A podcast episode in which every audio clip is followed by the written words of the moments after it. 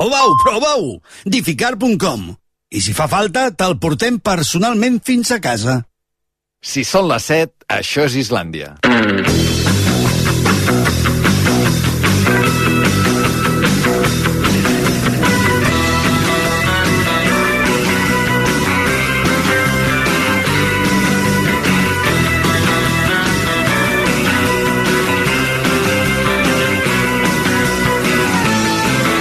A RAC1 Islàndia, amb Albert Ong.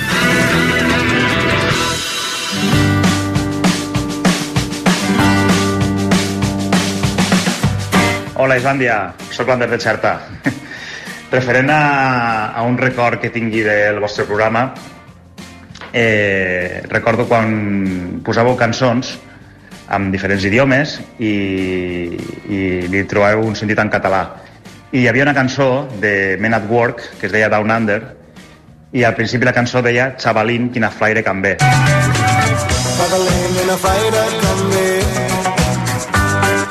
I és una cançó que és la meva preferida, m'encanta aquesta cançó i mai de la vida li havia trobat aquest significat. I ara, cada cop que escolto la cançó, eh, no em surt la lletra original, sinó em surt el xavalín que no fa can bé.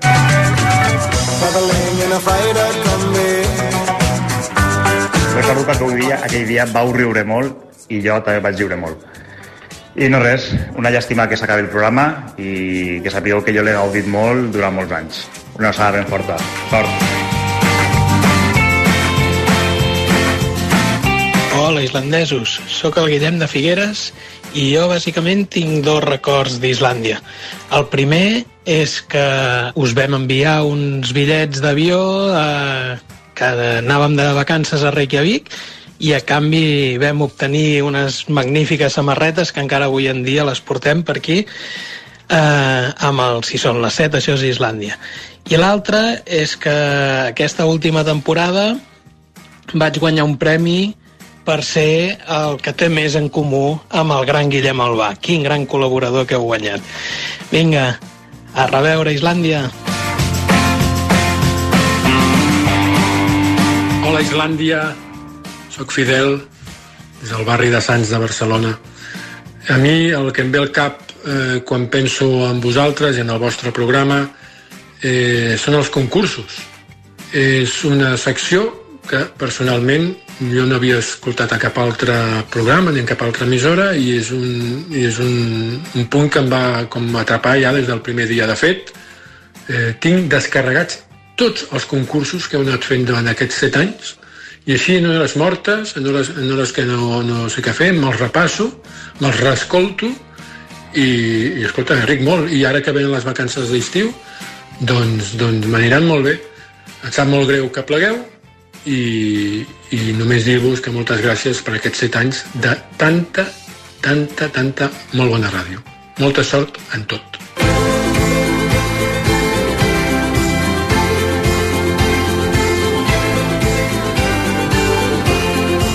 Maria Xinxó, bona tarda. Bona tarda, Alberto. Home, un oient fidel. Sí, eh, crec que Sí. fa honor al seu nom. Fa honor al seu nom. Descarregats tots els concursos, eh? Sí, déu nhi eh? No, sé, no, no, no havia sentit ningú que, que ho fes, això. Estaria per, preparat ja per concursar, suposo, no? Si se'ls va escoltant i reescoltant. Mira, I... Hauríem de fer un concurs amb, amb els oients més fidels.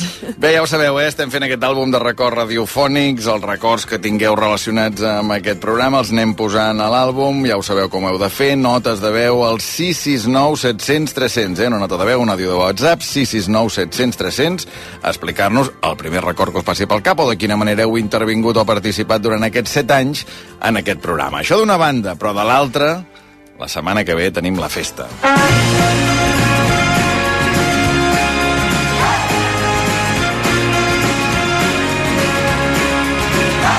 Ahir ja us van dir que el divendres 21 de juliol s'acaba Islàndia i ho volem acabar amb una festa que serà la festa islandesa. Serà dimecres de la setmana que ve, el 19 de juliol, a la Sala Luz de Gas de Barcelona, una festa per riure, per celebrar 7 anys de ràdio i que ens farà molta il·lusió que ens hi acompanyeu. Com ho heu de fer? Doncs aneu a raco.cat perquè en aquest cas calen invitacions. Aneu a raco.cat i trobareu una notícia sobre la festa islandesa. A dins hi ha un formulari que heu d'omplir amb totes les sol·licituds. Farem un sorteig. Teniu temps temps per registrar-vos fins dijous, i és igual, tant si ho fas ara o feu eh, dijous a última hora, però divendres sabreu si heu tingut sort. Els oients que us hagin tocat les entrades rebreu un correu de confirmació. I allà ens trobareu a tota la família islandesa dimecres 19 de juliol a la sala Luz de Gas de Barcelona, entre ells un membre il·lustre de la família islandesa, Sergi Pàmies, bona tarda. Bona tarda. Serà el retorn oficial teu a Luz de Gas. Sí, senyor. Es pot anunciar així, no? No, no, no hi ha cap altra manera de dir-ho. L'última vegada que vaig ser-hi va ser per Islàndia i la pròxima vegada que hi serà serà per Islàndia. Sí, senyor, vam ser el programa 500 també. Imagina't, han passat una mica més de 1.000 programes des de llavors. Avui és el 1507. Una festa és una bona manera per, per acabar un programa? Sí, sí. De, de tot el catàleg que hi ha, si entre funeral i casament, sempre, sempre és millor el, el, el casament. A veure, jo crec que amb el temps que fa que, que ho sabeu i jo crec que la gestió emocional s'està fent bé. S'està fent bé perquè si aquestes coses t'agafen molt en calent o en fred, eh, pots tenir tendència o bé a repenjar-te i fer-ho durar massa i convertir-ho en una agonia, o bé fer el que esteu fent, que és d'alguna manera aprofitar i, i bueno, aprofitar, diguéssim, eh, és allò de la justícia. A mi m'agrada molt quan hi ha una sentència i la gent diu acataré. Eh? M'agrada perquè com si poguessis fer una altra cosa, saps? Evidentment que pots rebel·lar-te i fer la revolució, però en principi acatar la justícia o les sentències eh, que et dona la vida, doncs és un bon, és un bon argument. El que passa que hi ha maneres d'acatar. I aleshores aquesta manera que esteu fent d'implicar els oients, de no fer de no fer sang, de no fer rancúnia, de no posar-hi verí, jo crec que és intel·ligent que no vol dir que no vol dir que després, igual que amb l'acatament la, de les sentències, un pugui discrepar. És a dir, jo crec que també és sa que quan passa una cosa com aquesta, perquè normalment quan un programa s'acaba és eh, per raons a vegades pues, ha perdut audiència, eh, és una fórmula que veus que s'està acabant. Però jo crec que en el cas d'Islàndia no, els objectius s'havien aconseguit, hi havia, diguéssim, una, una estabilitat en el, en el consum radiofònic, en diuen, i a més a més s'havia creat eh, això, aquest esperit de comunitat que és molt difícil d'aconseguir. I aleshores el fet de que per les raons que siguin l'empresa decideixi això, doncs ja està, no, no, no, no li hem de donar més voltes, però, però jo crec que el, que l'antena de rac perd una part del que tenia igual que quan va començar el programa va ampliar, si, si això és un teclat, i quan, quan va entrar a Islàndia hi havia unes notes que no hi eren abans i ara les tornem, o sigui, ve un de manteniment, no? I, i les treu. I, I a veure, el piano continuarà sonant, només faltaria però sap greu, sobretot si formes part d'aquestes tecles, que se'n vagi. Per tant, jo crec que l'elegància eh, no és una postura conformista. Uh -huh. Eh? És una forma de dir, bueno, eh, davant d'una adversitat, davant d'una sorpresa i davant d'una discrepància, és a dir, que no estem... Eh, no ens sembla bé, o, o -huh. haguéssim, si poguéssim, eh, no ho faríem, doncs eh, és bo que, que aquest, aquest esperit de dir, bueno, doncs anem a recordar, anem a fer una festa. Eh, I, de fet, molts funerals, moltes cultures la, el funeral és alegre. Es menja, es beu, es balla, alguns duren tres dies. perquè han aconseguit barrejar la tristor amb l'homenatge al, al passat que se'n va, no? I aquesta combinació potser és la que ens hem de plantejar, potser no amb, tanta, amb tantes aspiracions, eh? Nosaltres Home, intentarem fer un programa. Tu tens aspiracions de que entrar a de gas no cauré. a les 7 de la tarda... Em comprometo no. que no cauré, a diferència del no que va passar. I no sortir-ne fins al cap de 3 dies. Jo he entès això no, no, no. És a dir, algunes cultures ho fan. No, no vol dir que ho faci jo. Però jo no, jo no estic capacitat, però la gent jove, la gent del, de l'equip, que són, eh, han demostrat en tots aquests anys que Home. tenen una, una resistència festiva important, sí doncs se'ls ha, se ha de...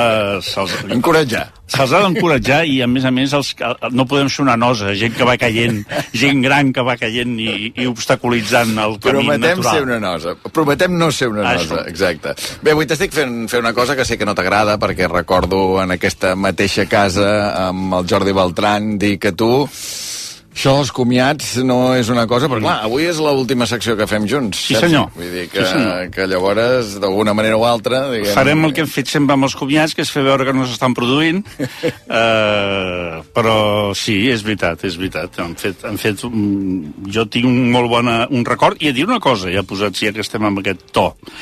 Uh, jo fa... Uh, faig ràdio des de l'any 89. Són 11, 34 anys. I he fet moltes seccions, amb molts programes, amb moltes uh, emissores, etc. Aquesta ha sigut la més difícil que no vol dir la, la més, mm, com dir, de patir més, però sí per mi la més difícil, perquè ha estat la vegada que jo m'he adaptat més al, al curs del programa, perquè normalment, pel que, pel que sigui, havia aconseguit sempre que, que es creés una... Un, amb totes les seccions que he fet, que fos 50-50. Uh -huh. I en el cas d'Islàndia, per les circumstàncies, pel que sigui, per l'època en què em va tocar fer-la i m'ha tocat fer-la, doncs eh, m'he adaptat, eh, he, he forçat el fet d'adaptar-me.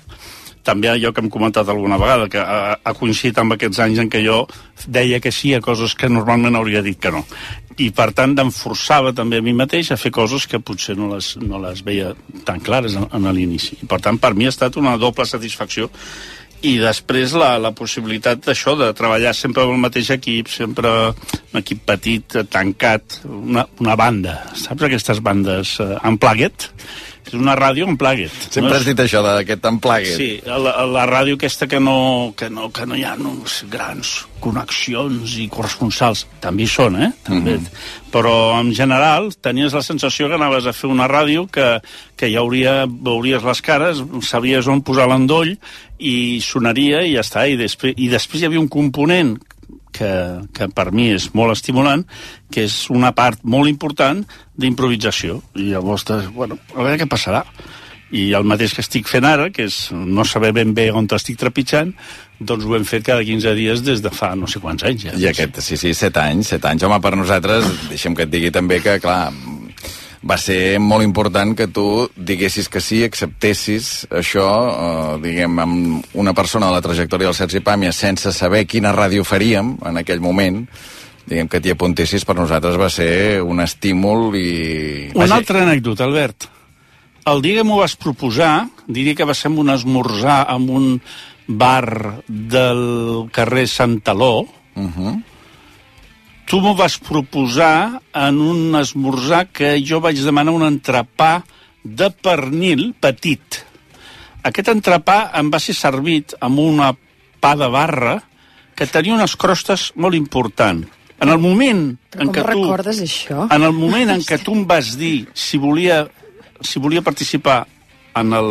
Jo vaig mossegar l'entrepà i em vaig trencar un queixal. No! Que em mori aquí mateix si no és veritat. em vaig trencar el queixal en aquell moment per culpa de la puta crosta del, del pa. I vaig dissimular el dolor que em va provocar en aquell moment i la fiblada amb uns globs de Coca-Cola zero salvadors i vaig mantenir la compostura com si estigués a la comissaria de Via Laietana a l'any 65. Per tant, per tant, allò va ser una senyal. O sigui, vaig pensar, a veure, aquest tio m'està oferint això i m'acabo de trencar el queixal, que no és habitual, eh? No, no em diguessis, no, és que tu te'l trenques habitualment, el O sigui, queixal. hem fet ràdio des de l'any 89, mai amb cap altra oferta radiofònica Mai a la havies trencat un ni, queixal. ni tan sols no radiofònica, altres, altres feines que he fet a la vida. I, per tant, vaig pensar, això és una senyal. Vaig mantenir la compostura, vaig, eh, et vaig dir, evidentment, que sí, però a la sortida vaig trucar al doctor que s'ocupa de tot el tema dental meu i de la meva família i vaig eh, eh, demanar urgència una operació que va trigar gairebé un any, perquè es va haver de reconstruir la corona, recordo el concepte... O sigui, va ser una autèntica, una autèntica barbària. Carnisseria. Carnisseria. Però, però un I moment. això gràcies a Islàndia. Vaig pensar, Però- però, aquest programa és Per què no ens ho has dit mai, això? Perquè he pensat que arribaria l'ocasió. I efectivament el temps m'ha donat la raó. Sempre t'has de deixar guiar per la intuïció. Jo intuïa que dir-ho... Imagina que l'endemà et dic, escolta, Albert, a mi em va passar això. Ja tu, Ja ja la relació malament, malament. sí. Jo he deixat passar el temps i efectivament ha arribat el dia. El dia és avui. I avui jo t'explico que el primer dia que em vas oferir treballar amb tu em, em vaig destrossar el, eh, el queixal amb un... T'he de dir que, que els entrepans des d'aleshores me'ls miro amb una altra, amb una altra actitud. Eh? La voracitat a vegades em perd, també. En fi, aquesta era una anècdota que volia compartir. Tu no vas notar absolutament res. No, res de eh? res. Sí, cara de res. pòquer. Cara de pòquer. Home, jo prou nerviós estava per, per, per oferir-li la secció amb el Sergi, que el Sergi digués que sí, però clar, no, no, no vaig notar res, no vaig notar res. Bé, Home, I ens hem tornat en el lloc. Sí, I ha- hem fet altres converses posteriors, eh? Però has I tornat per- a demanar-te No, no, crec que engrapar no, eh? pernil? Mai. Crec Ah. que no, mai. eh? Mira, això sí que és una cosa que m'he fixat, que Sí. he pensat, dic, mira, no ha tornat a menjar més mai un entrepà quan hem mai quedat. més, perquè, clar, eh, un, Clar, clar, clar. tant la sort... Eh, això és com allò dels, de les, dels cordons de les sabates, que ja ho saps, que jo vaig conèixer la meva dona una, en una festa en què ella em va dir portes les sabates descordades, si les trepitges, et, si trepitges els cordons et pots fer mal. Jo no la coneixia, aquesta senyora. I a partir d'aquell moment, dos fills, 24 anys junts, tal. I aleshores, jo a partir d'aquell moment, eh, no he tornat a anar mai més amb sabates de cordons. I vaig amb mocassins, pel que pugui ser.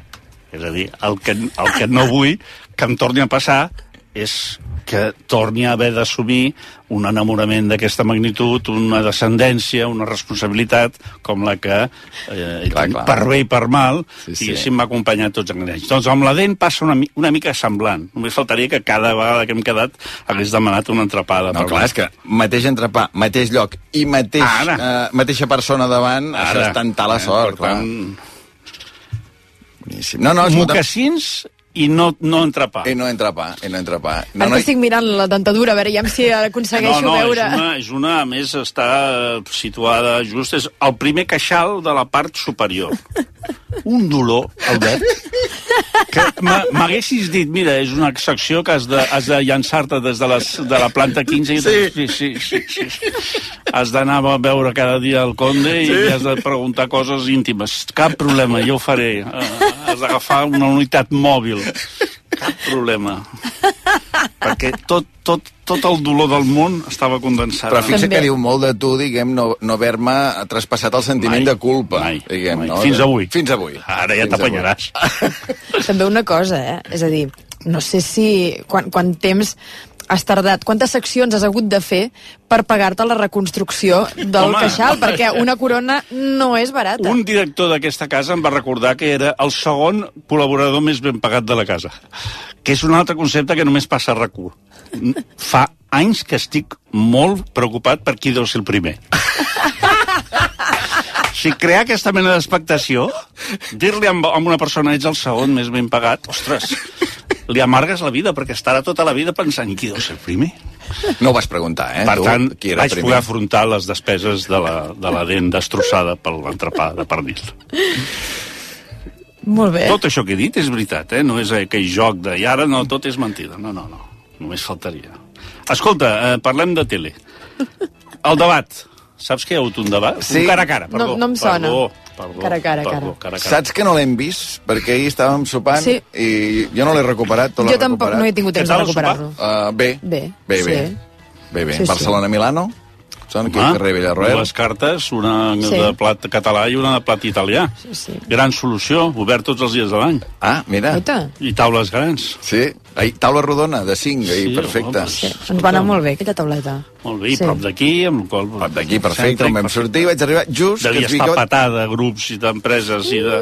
Home, va passar Encara jo- dilluns i vaig pensar que hi havia bastanta Sí, gent. això és veritat, però vull dir que nosaltres que no havíem reservat eh, Sí. vam, vam tenir la sort de poder tenir aquesta taula Clar, rodona. lloc gran, sí, sí. I vaig arribar a casa just en el moment que es havia acabat, vaig veure, diguem, tot el postpartit amb el Ferreres. Diguem, és l'únic que vaig veure del, És del el que no vaig veure jo. Jo vaig arribar exhaust perquè estava escrivint Clar, clar, ja t'he llegit, que clar... amb l'agreujant de que l'accés a la traducció estava espatllat. De manera que el vaig haver de traduir a mano, com el Norit.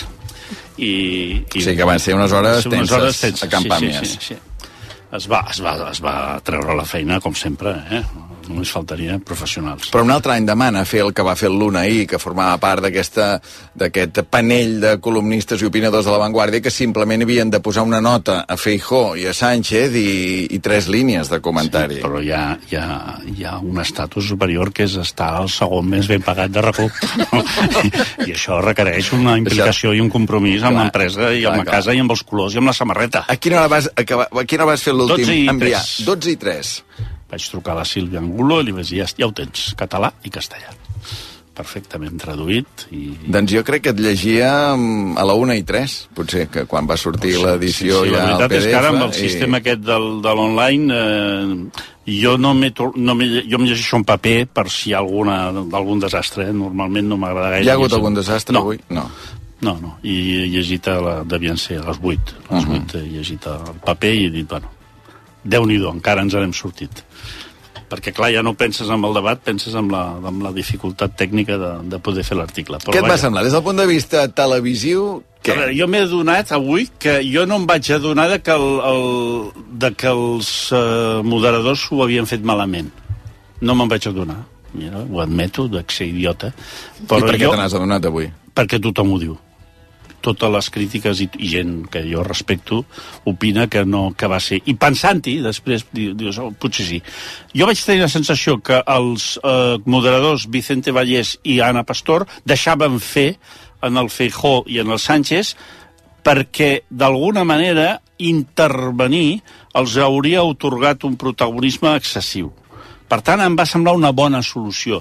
Era com dir, vosaltres voleu transmetre la imatge de guirigall i de desastre, eh, això ens obligaria a intervenir fins a un punt que potser desvirtuaria el debat. Tots els que hi entenen molt més que jo diuen que no, que havien d'haver intervingut per evitar aquest... Eh, bé, és, un, és una cosa que jo admeto que no, no comparteixo, que me n'he donat avui, i parlant cada dia més, doncs podria arribar a pensar que potser tenen raó. El debat va, ser, va tenir molt bona audiència i jo crec que va ser eh, em va recordar els bons debats que va fer el Cuní, tot i que el Cuní a TV3 tenia set, potser set candidats, o sis. Uh -huh. Però em va semblar que anaven de cara a barraca, que va començar amb molta, amb molta agressivitat, eh, que el va guanyar el Feijó, diguéssim, en aquests termes en què ens expressem, bastant a més, eh, per dos o tres gols de diferència, i que la manera com va reaccionar el Sánchez és insòlita. És dir, no l'havíem vist mai en aquest estat de manera pública. Nerviós, accelerat, suat, eh, indignat, eh, enfadat, eh, sobreactuat, eh, enfàtic. Tot això em va fer eh, pensar que si, si jo fos del seu grup d'assessors hagués passat un, una, mala, una mala nit. Tinc una pregunta que crec que va amb la línia, que vaig llegir diversos articles, però diria que ets tu que deies això, que recordaves que s'havien sortit molt bé amb les entrevistes un a un, diguem, quan havia anat a la Quintana, quan havia anat amb el Pablo Sí, senyor. Motos, i en canvi ahir no se'n va sortir tenint a davant a Feijó. Per què creus que no se'n surt amb Feijó i se'n surt amb els entrevistadors? Per, els entrevistadors, perquè els entrevistadors només pensaven en ells, és a dir, als entrevistadors els importa un raba tenir el Sánchez si, per guanyar o perdre vots, sinó que els interessa quedar bé ells. Per tant, tant l'Anna Rosa com el Motos, sobretot, van fer un exercici de justificar-se gairebé davant del Sánchez i eh, rebatre-li l'acusació de que havien sigut molt anti-Sánchez. I en aquest territori el Sánchez està molt còmode. Ahir no es va estar còmode perquè a davant tenia el seu rival. És a dir, tenia el seu adversari. Podríem eh, portar-ho al futbol i pensar una mica, una mica Mourinho, el, el, el Feijó, però diria que més elegant. Què passa? Que a mesura que van passar els minuts va perdre aquesta teòrica elegància institucional de president de Galícia i de senyor tranquil i va caure amb alguns eh, exabruptes també. Eh, però era més de contagi i de guirigall. I llavors va ser va ser, jo trobo que va ser un bon debat perquè va retratar una situació que és la que vivim des de fa anys, que és aquesta asfíxia extenuant de simplificació, d'intercanvi de retrets, d'intercanvi de mentides, d'incapacitat. Avui l'Anna Pastor deia una cosa que és molt sensata, no? que si ella hagués hagut d'interrompre cada vegada que deien una dada falsa, no hi hauria hagut debat perquè totes les dades eren falses o discutibles deixem-ho en, que, en que més que falses discutibles. I aleshores això és insuportable. Després una altra cosa que es va veure molt clara és la l'obsolescència de les dades. Sí, eh, jo crec que arribarà aviat un dia en què diran farem un cara a cara però sense dades, eh, sisplau. Si, de la mateixa manera que és sense mòbils, doncs hauran de dir no vull ni una dada, perquè com que és falsa, o no la podem demostrar, aquells gràfics que s'ensenyen, tot això, tot això no, no serveix perquè... Clar, més és la paradoxa aquesta que, que... Què sembla més real que una dada? És impossible que hi hagi una cosa amb, més real que una dada, no? Bueno, però la gran victòria, la gran victòria del, de, la, de la nova política, perquè jo no crec que sigui una cosa extrema dreta, com s'atribueix, com si ho hagués inventat el Trump, això ve de molt abans, és eh, que tot el que es diu sigui sospitós. De fet, la, la de, el descrèdit de la democràcia és aquest, és convertir els fets en opinions. Llavors, ells ahir van dir-ho diverses vegades. Una cosa són els fets i unes altres les opinions. Però jo continuaré donant com a opinió, o sigui, donant com, com a fet, fet una, opinió. una opinió. I això és constant, és constant, i ho fan els tertulians, ho fan els experts, ho fan els polítics, de manera que la ciència, d'alguna manera, desapareix. També és veritat que si alguna cosa m'ha après és que les dades, vam aprendre molt durant la pandèmia, no? Eh, són, no són blanc o negre, no? que hi ha molts matisos i que per tant no és tan fàcil. Per això jo al final proposaria sense dades, no? allò que feien abans. On fem dos, un amb dades i un sense. Sí, o... Sí, són com formats diferents, perquè a més les dades eh, són, són un obstacle retòric Sí, només falta que, que si tu i jo ara ens posem a barallar-nos haguem de donar dades. Si la gràcia és no donar dades, mm. és jugar amb la, una mica com fan els parlamentaris. Sí, amb la retòrica, abans, no? Sí. L'oratòria, la, el sarcasme. Per exemple, va haver una cosa que, que, que era molt estranya per part del Sánchez. Uh, li va dir de seguida, però res, minut dos, minut tres, que el sorprenia que tingués tant d'humor, com, com per vexar-lo. Saps? Diu, no sabia que vostè tenia aquest humor i li va anar dient això diverses vegades. Festival de l'humor, no? Sí, fins que, fins que el Feijó diu, li va dir, escolti, aquí l'únic graciós és, és vostè, o al revés, no? Escolti, això no té cap gràcia. És a dir, que li va posar moltes oportunitats de... O sigui, des del punt de vista de Sánchez, jo crec que va ser un, un debat eh, molt, molt, molt justet. Per tancar el tema del debat, Feijo, si Feijo ha de ser el proper president d'Espanya els propers mm. quatre anys, com el veus tu, aquest personatge? Com, com, com l'analitzes? Si és pel debat, la sensació que vaig tenir és que tant li, fe, li feia un que l'altre, perquè els dos no estaven a l'altura del que s'espera d'ells. Per tant, amb això jo m'ho prenc amb una gran esportivitat. I, a més a més, aquí hi ha una cosa escandalosa, que és que sembla que aquesta gent els posin els tancs Escolti, aquesta gent, si arriben a la presidència del govern, serà perquè algú els ha votat. És més, es presenten per això. O sigui, la seva única missió és presentar-se, que la gent els voti o no, i aleshores, en funció de si els han votat o no, fer una sèrie de coses. Llavors, a, a vegades sembla que, que, que pugui governar un o l'altre, tant des d'un bàndol com de l'altre, sigui una mena d'aberració democràtica, com si els debats i l'espectacle de l'entreteniment polític hagués d'imposar-se a la raó electoral, que els que som eh, simpatitzants del Barça sabem que votar no assegura en absolut tenir un bon president. Va, anem a la subsecció? Sí, sí, sí? a la secció dins de la secció. Sí, no. Perché, perché, perché non ti decidi mai? Hi ha hagut eh, una controvèrsia interessant en relació al canvi de nom de TV3 Catalunya Ràdio amb el 3CAT, que vindria a ser com el nou nom que englobarà tota l'activitat de la corporació en una mena de gran portal des del qual ens...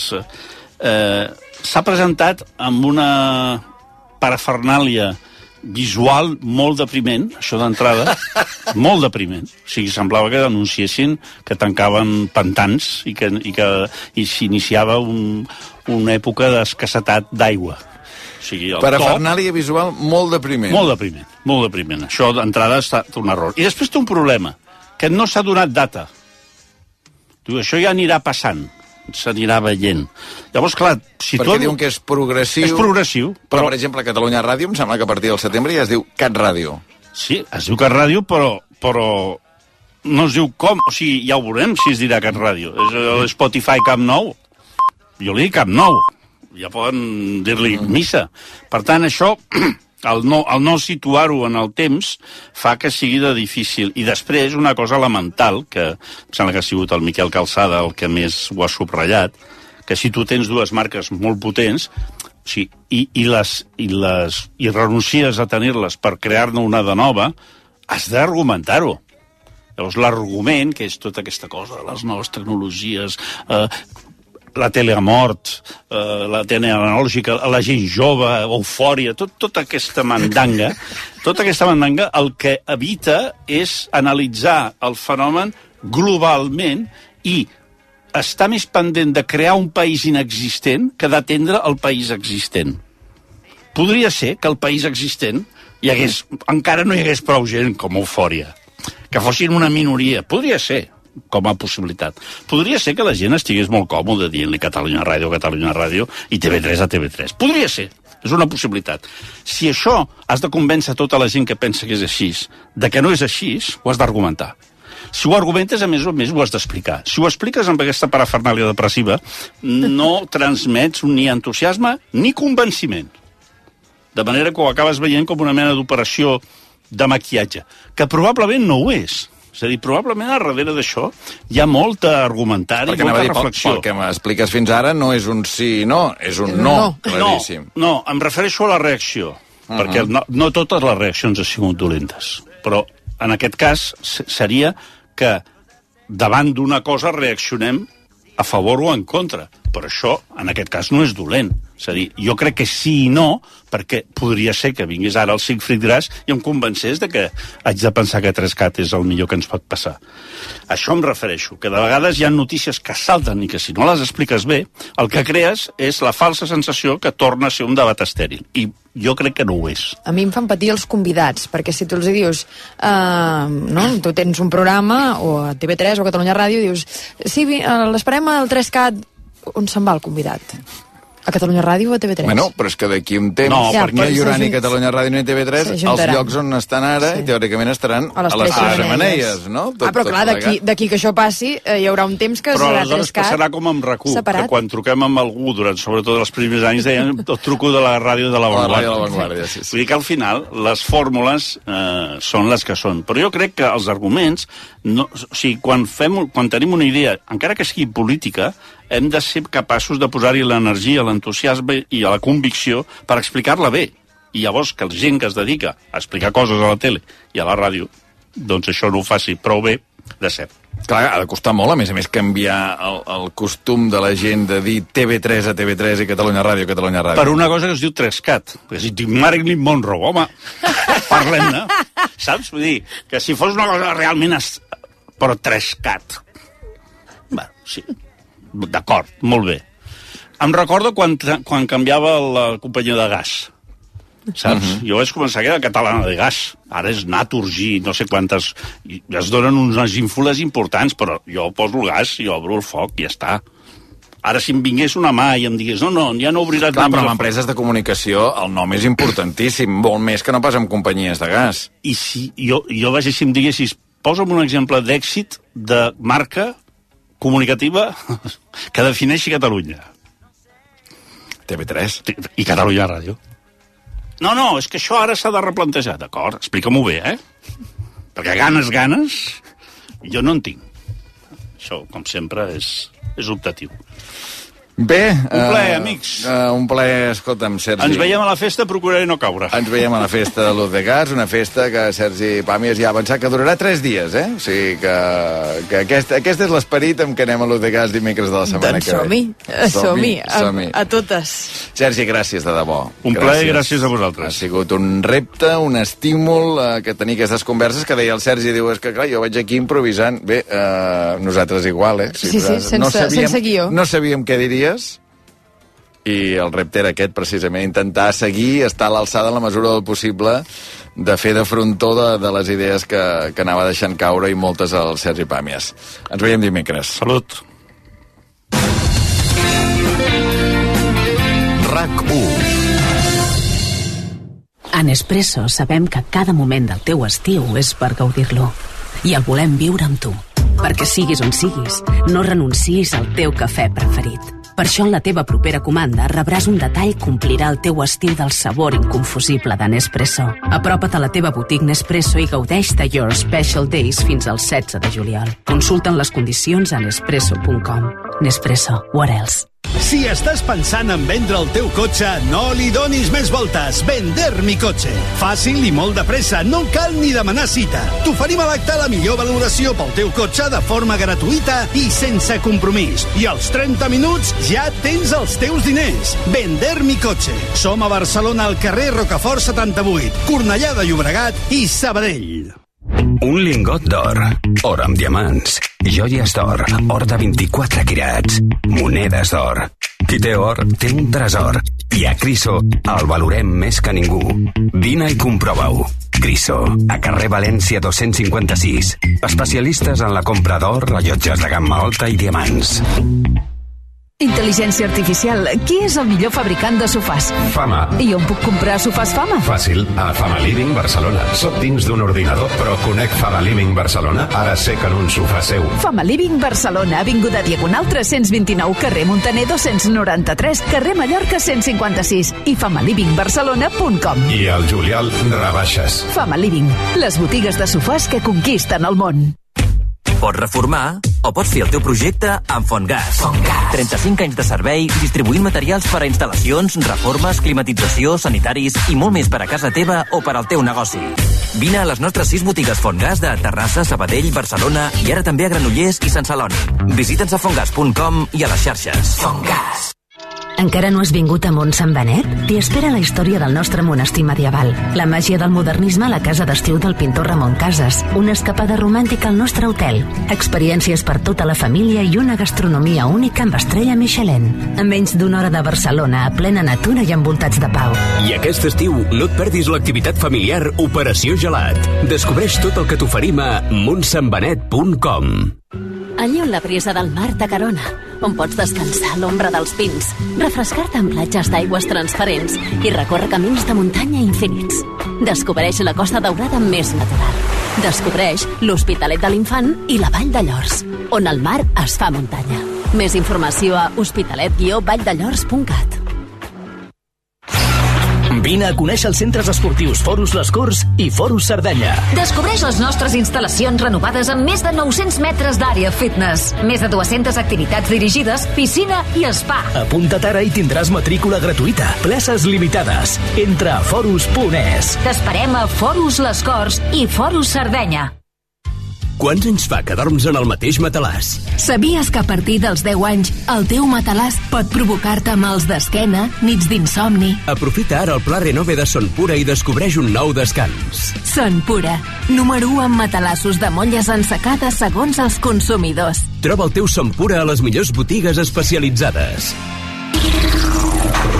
Passi el que passi, no us perdeu cap detall de rac amb actualització constant a rac R-A-C-U.C-A-T rac el portal de notícies de RAC1. Islàndia, amb Albert Ong. Dos quarts i mig de vuit.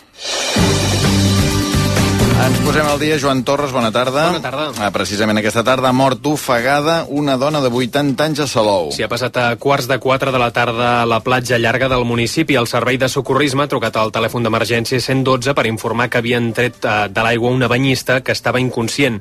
Li han fet les maniobres per reanimar-la fins que ha arribat al SEM, que ho ha continuat intentant, però sense èxit. En el moment de l'incident onejava la bandera verda. La d'avui és l'onzena víctima mortal a les platges catalanes des del 15 de juny, que és quan va començar la temporada. L'any passat, a aquestes alçades, a mitjans de juliol, s'havien ofegat 7 persones. Per tant, són uh, 4 menys que les d'aquest. déu nhi 11 víctimes mortals ja a les platges catalanes des del 15 de juny. D'altra banda, els estudiants que van fer la selectivitat ja poden consultar si han entrat a la carrera que volien. El Departament d'Universitats ha avançat un dia la publicació de les notes detalls pels estudiants que van fer l'ESPAU al mes de juny. Van ser gairebé 42.000. Doncs bé, ara ja poden saber si podran entrar al grau que van escollir com a primera opció o no. Per fer-ho han d'accedir al web del canal Universitats. Les notes de tall per al públic general se sabran dijous. Aquest any la nota d'accés mitjana es manté pràcticament igual. Ha baixat del 7,29 al 7,27. I el Joan Torres, que ens posa música cada dia, i era David Bisbal, a veure avui qui toca. pedazo de sol, la niña de mis ojos, tiene una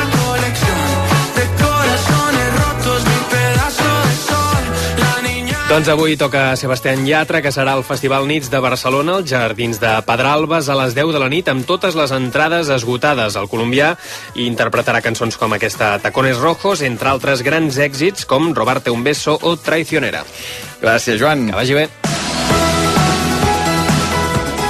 I els esports, Xavi Puig, bona tarda. Bona tarda. Victòria avui al Tour de França del Basc, Pello Bilbao. Sí, la desena etapa del Tour ha estat un dels eh, protagonistes de l'escapada del dia i un sprint reduït ha acabat emportant-se aquesta primera victòria al Tour de França als 33 anys, després de 10 anys com a professional. És la primera victòria d'un ciclista de l'estat espanyol des de feia gairebé 5 anys al Tour. L'últim va ser Omar Fraile el 2018. Pello Bilbao li ha dedicat la victòria a Gino Mader, ciclista suís, company de Bilbao a l'equip Bahrein, que va morir aquest mes de juny com a conseqüència d'una caiguda a la Volta Suïssa. Aquí está, aquí está la mayor motivación. Nunca habéis sido capaz de, sacrificarme de esta manera. Teníamos una motivación especial y, no iba a parar hasta, hasta conseguirlo, ¿no?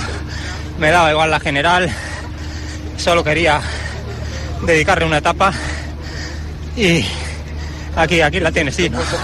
Aquí la tienes, eh, Gino. La general eh, Vingegaard continua com a líder amb 17 segons d'avantatge sobre Pogacar. Els espanyols Carlos Rodríguez i Pello Bilbao són ara quart i cinquè en aquesta classificació. Que bonic aquest uh, tall de veu que has posat, perquè hi ha tot el cansament i tota l'emoció, eh? Hi ha les dues coses barrejades i que se sentia perfectament amb aquestes paraules de Pello Bilbao, aquest basc que avui ha guanyat aquesta etapa del Tour de França. Wimbledon, tenim en joc ara mateix el partit de quarts de final de Djokovic. Si el tenim en el tercer set, Djokovic contra el rus eh, Rublev. El primer l'ha guanyat Rublev 6 a 4, el segon Djokovic 6 a 1. En aquest tercer domina de moment Djokovic per 4 jocs a 2. Qui guanyi jugarà una de les semifinals contra l'italià Sinner, que ha derrotat el rus Safiulin en 4 sets en un altre partit de quart jugat avui. Ja ha quedat definida també la primera semifinal en categoria femenina. La jugaran la ucraïnesa Svitolina i la txeca Bondrusova. I al Barça no tenim novetats? De moment continuem esperant eh, Vitor Roque, l'anunci oficial que tot apunta que serà demà dimecres, eh, pendents també ara dels avanços que trobaran a les 8 els tres diaris esportius editats a Catalunya d'entrevistes amb Joan Laporta, de tots tres. Per tant, eh, interessant saber què explica el president del Barça en aquestes entrevistes que demà sortiran publicades en paper i de la quals ja en tindrem uns avanços d'aquí a uns minuts. Avui sí que hem sabut que dijous a les 12 serà el moment escollit per presentar Íñigo Martínez, el Girona Borja García ha renovat fins al 2024 i l'Espanyol ha presentat Manolo González com l'entrenador del seu filial. I qui sí que ha signat contracte és el Barça de bàsquet Joel Parra fins al 2027. Sí, contracte per quatre temporades al costat de Joan Laporta. És el primer fitxatge del Barça que entrenarà el Roger Grimau, ve de la penya i Parra explicava què pot aportar al conjunt blaugrana. Crec que és el, el següent pas que tenia que donar a la meva carrera esportiva. La veritat que estic molt content d'estar aquí, a un club com, com el Barça, no? Bueno, crec que primer de tot la meva, el meu caràcter, que és el que he estat fent aquests últims anys quan he jugat, defensa, reutejar, eh, anotar si fa falta, no?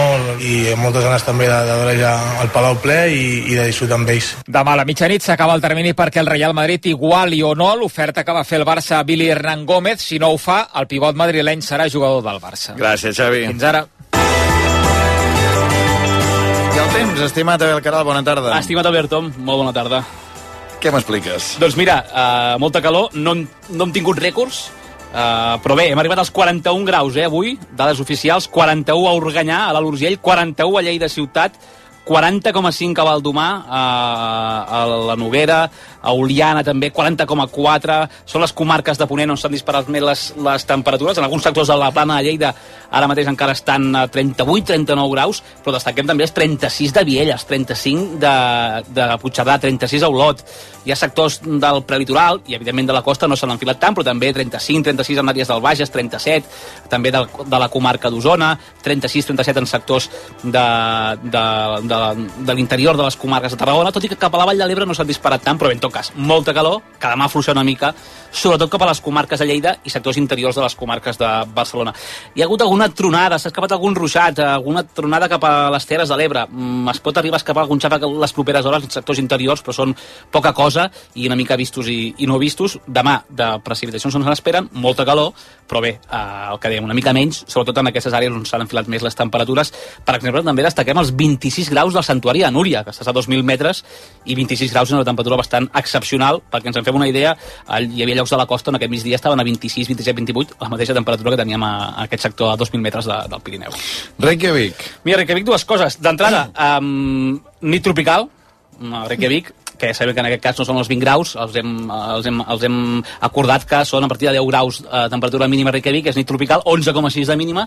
Ahir arribaven als 18, avui 17 amb 9, per tant estan també una mica monada de calor Reykjavik, i després estan pendents també d'un volcà. Està bé que, doncs mira, a mi, em, em, mentre no faci mal, em congratula que aquestes últimes setmanes d'Islàndia estiguem pendents d'un volcà, com ja ha passat altres cops al llarg d'aquests últims 7 anys. Eh, oficialment és una erupció menor, no sembla gaire potent i no s'està emetent cendra a l'atmosfera, però ja està molt a sobre perquè és una erupció a la península aquesta de Reykjanes, eh, a prop de Reykjavik i de l'aeroport, tot i que per ara no, no, no, no, no hi ha hagut afectacions al trànsit aeri i de fet eh, és un volcà que està a uns 40 quilòmetres només de, de, de Reykjavik. Perquè ens fem una idea, no és el típic, la típica imatge que podem tenir al cap d'aquest im imaginari col·lectiu que tenim d'un con volcànic amatent, sinó que és una zona plana i s'ha obert una, una fissura d'uns 200 metres, més o menys, de llarg, i d'allà va brullant, va brullant lava, i bé, no és la típica erupció espectacular, mm, de moment bàsicament lava, eh, lava i vapor, eh, però bé, no, no sembla que s'hagi de complicar. Feia una setmana que estaven atents a aquesta zona perquè hi havia hagut uns 1.200 eh, terratrèmols en aquesta península i estaven amatents per si hi havia alguna erupció que s'ha acabat produint, l'anirem monitoritzant. Oh, monitoritzant? Eh? No, mira, jo crec que aquest el... pensava que anaves a dir seguint, No, no, però no, és- és... el- el verb seria O sigui, quina diferència entre seguir i monitoritzar? Moni- Monitoritzar eh, és estar-hi més a sobre, no? És estar més pendent de totes les variables, de tot el, de, de, tot el Amb que dades i necessita- xifres, no? Dades, És xifres, cosa eh, més- els sismògrafs... És És un seguiment pràcticament mèdic, Sí, no? sí, sí, És més exacte. científic, Més, és com més científic. Sí, més, més sí. mèdic, un seguiment més exhaustiu. podríem Que no deixa de ser el que és l'Abel Caral, un científic.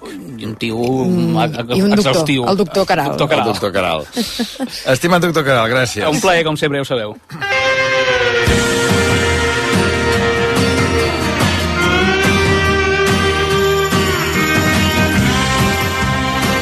Bé, um, tres quarts de vuit i dos minuts parlàvem amb el Sergi Pàmies de, del el que va significar per nosaltres que ens digués que sí, que s'animava a col·laborar a Islàndia sense saber què seria aquest programa i que una persona de la seva trajectòria doncs, doncs s'hi apuntés.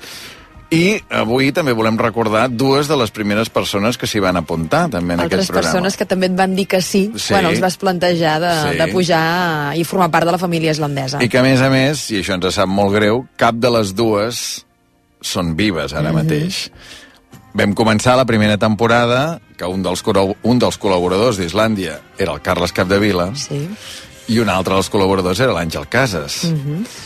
I bé, avui jo crec que, no sé, a nosaltres ens fa molta il·lusió abans d'acabar el programa tornar a sentir la veu del Carles Capdevila fent ràdio, fent una cosa que li agradava molt, i també la veu de l'Àngel Casas fent ràdio aquí, que és pràcticament tant en un cas com l'altre, diguem, l'última feina radiofònica que, que van poder fer dissortadament. En el cas del Carles, eh, feia una secció que es deia Persones, Persones. Sí, que li, esqueixa... bueno, li encaixava molt bé. Li encaixava perfecte. El primer problema va ser triar una sintonia, no? Un problema? Vols dir que va ser un problema? Bueno, no sé, li havíem de plantejar una mica d'alternatives. Atenció què passava per triar la sintonia de Carles Capdevila. Carles, um, tu quan vas venir uh, l'última vegada vas dir que tornaries si fèiem una careta, si això tenia, si la secció teva estava ben presentada. Sí, avui, avui no, no volia insistir perquè avui és, avui és l'origen de les persones, no? Vull dir que és així, però sí, sí, quan, quan fem el pròxim persones, persones, hauríem de tenir una careta de ràdio convencional. Si no, Ja lo típic, no?, per presentar-te com toca. Hem provat algunes coses, tu vas dir que la secció volies que es digués persones, persones. Persones, persones. Uh, pots sentir una mica les proves que hem fet per veure si anem pel bon camí tant, o sí, canviem? Sí, sí, doncs a veure, anem per la primera.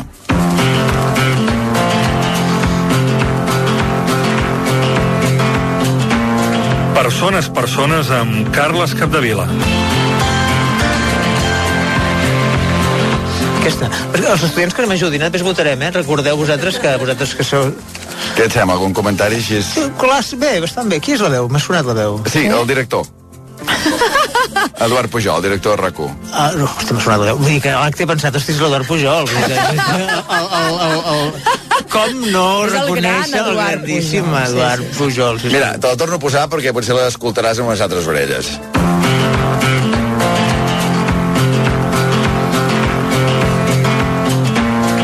Persones, persones amb Carles Capdevila. M'agrada molt més ara, eh? Ara... Ja no vols escoltar cap altra, no? És Segona boníssima. opció, són proves, eh, que tot això es pot canviar. Persones, persones. Amb Carles Capdevila. Home, és un canvi. Sí, sí, sí. Has reconegut la veu? Aquest per, eh, em, sona, em sona, em sona de- d'un dia d'ascensor, eh? em sona, però no, no, no, no, no ho sé segur perquè sí que suposo que l'ascensor parla així, normalment, diguem, no? En, eh, fora de l'ascensor no, És la que riu del meu costat, eh? és la Maria Xinxó. Sí, jo a l'ascensor faig fotos i parlo així. Aquesta per avui hauria anat bé, aquesta. Per Clar, altres no? dies, no sé. Persones, persones. Amb Carles Capdevila. És, és, és curiós perquè em sap greu, senyor director, però he reconegut més fàcil, més fàcilment la segona veu. Eh? Tercera opció.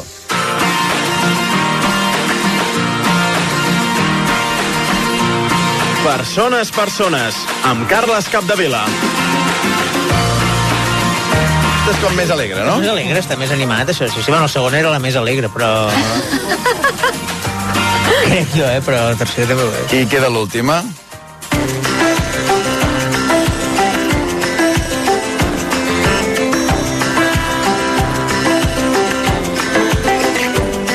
Persones, persones, amb Carles Capdevila. No sabia que el director cantés tan bé, però...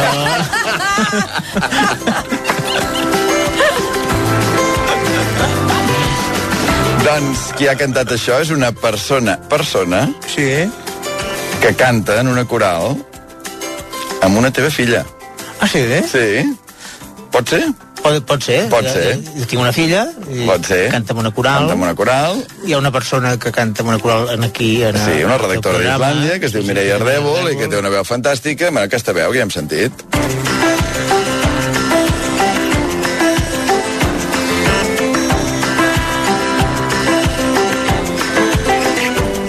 Persones,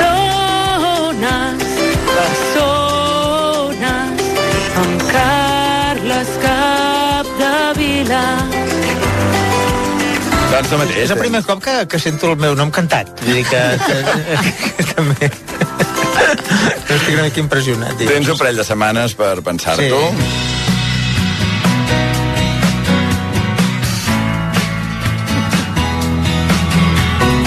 Bé, tornem a ser dia d'avui, ara Sí, ja, que ja això està. és uh, dia d'avui, recordàvem aquest moment de triar flashback. sintonia amb el, amb el... car- Al final què va triar, saps? Sí, va triar la del senyor director, Home, la de, la home, de Pujol. home, quin... no va Sí, triar sí. la de la Mireia Ardèvol? No, i no m'ho explico.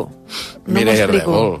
Bona no, tarda. no ho aguanto, per què, això, fe- Per eh? què t'estaves tapant la cara ara aquí fora? Em fa molta vergonya, molta vergonya. Perquè és la teva veu de fa set anys, o...? Sí, no em reconec la veu, em veig una veu com molt més petita, de persona més petita, de nena petita, i em fa molta vergonya, no sé. I ara t'animaries a cantar com seria ara Persones, Persones amb Carles Capdevila amb la veu Tu d'ara? deixaré, deixaré que t'ho imaginis. Apa, Mireia! Bé, uh, anem a disfrutar, anem a disfrutar ara perquè una selecció dels millors moments del Carles Capdevila en antena aquella temporada 2016-2017, que era la primera temporada d'Islàndia. El Carles va morir l'1 de juny del 2017, abans d'acabar aquella primera temporada, i va fer ràdio fins pràcticament tres setmanes abans. La primera va acabar a venir, Islàndia va començar el 5 de setembre del 2016, el 5 de setembre de l'any passat, i ell va venir el dilluns següent. Sí, ja el teníem puntual. El 12 de setembre ja era aquí. Jo no recordo de què vam parlar aquell dia. Què volíeu ser de grans? Eh, volíeu ser el que sou? Carles Capdevila, bona tarda. Bona tarda. Com estàs? Bé. Tu vas escriure un llibre que es titulava, si no recordo malament, Jo vull ser famós. Sí. Per culpa teva, vaig escriure. és culpa teva. Jo em vaig sentir molt malament, eh, quan vaig llegir les Sí, sí, primeres línies d'aquell llibre. Està explicat perquè en aquella època que uns quants, tu entre altres, us vau fer famosets, eh? El, uh, fa més ràbia famoset, és una cosa que ho dic més despectiu per, per, perquè es noti encara la ràbia que mantinc, no? I res, que, que aquest programa es deia Manuals de Tele i de cop jo un dia vaig em trobava di- en un dinar Ara hem de recordar que Carles Capdevila era subdirector de Manuals de Tele, eh? jo soc director, jo era que, el, que- el que us escrivia les bromes. Eh, I, Les que feien gràcia només. Les, les bones, sí, sí. Les altres eren els que improvisàveu, era allà on punxava, no? I de cop em trobava allà, un restaurant un dia amb el Toni Soler, Rosa Andreu i Albert Tom, i apareix la fan, la fan de, que s'aixeca de la taula del costat, i ve allà, i, i veu el Toni, i diu, ah, ets el Toni, ets el Toni, oh, no sé, i ves, veu la Rosa al costat, i clar, això ja, era un, ja anava per bingo, això, ja, diu, és la Rosa, ets la Rosa, i es veu a tu. Estan casats. Que llavors era el, era el guapo del programa i el, el sex símbol, i diu, ets l'Albert, ets l'Albert, és que jo estava ja tremolant, no? I de i de cop, clar, m'esperava el quart, que com a mínim de ser Carles Franzino, tocava llavors, no? Diguem, i apareixo Home, jo i, tens un aire. i apareixo jo i la dona totalment decebut diu, tu, tu no ets ningú. Ai. I em va fer molt mal. D'aquell vaig, quan vaig escriure el pròleg d'aquest llibre, que, que aparentava que, com, que jo no volia ser de famós, a la portada posa jo vull ser famós, jo no, diguem, però en el fons era ràbia, era un llibre escrit des de la ràbia, sí, sí. De què volia ser?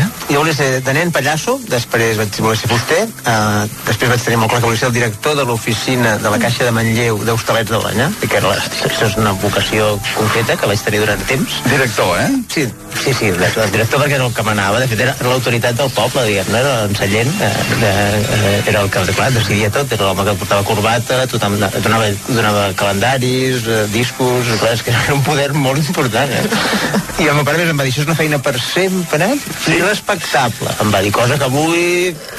Per sempre, Doncs- potser, Sí, no, i respectable, sí, diguem també. Vull dir que aquesta va ser l'evolució i després ja vaig voler ser periodista i famós. Poseu molta pressió, no, vosaltres, el, els fills, per, per anar-los dient a veure, i amb què vols ser, nen, has de ser això, no has de ser... No, no, no. La, jo crec que la pressió, la pressió d'aquesta pregunta, de fer aquest programa, entenc que el facis, perquè la pressió, la gent que fa aquesta pregunta als nens són els que no teniu fills, els que no teniu ni idea de nens i no sabeu res, i quan treu un nen, tingui l'edat que tingui, perquè tampoc sabeu ben bé quina edat tenen, eh, li pregunteu què vol ser de gran, perquè és el comodí que teniu, no? I tot nen, tot nen català, sap que quan et trobes el que no té fills, has de tenir una resposta, no? Per tant, és una pressió que tens afegida. A vegades demaneu també, eh, vas, eh, tens bones notes? Com I, al col·le. I tens nòvia. I tens una, una altra pressió estúpida que feu aquesta gent, que a més a més és incorrecta. S'ha de dir, t'agrada alguna persona, perquè tens nòvia o tens nòvio, és, és una... És una ja, és, ja estàs conduint una resposta que, que pot no existir, no? Per tant, eh, apreneu-ne. I, I varieu una mica, i fixeu-vos una mica, endevineu l'edat que no és tan difícil, o sigui, perquè hi ha molts temes per treure amb els nens.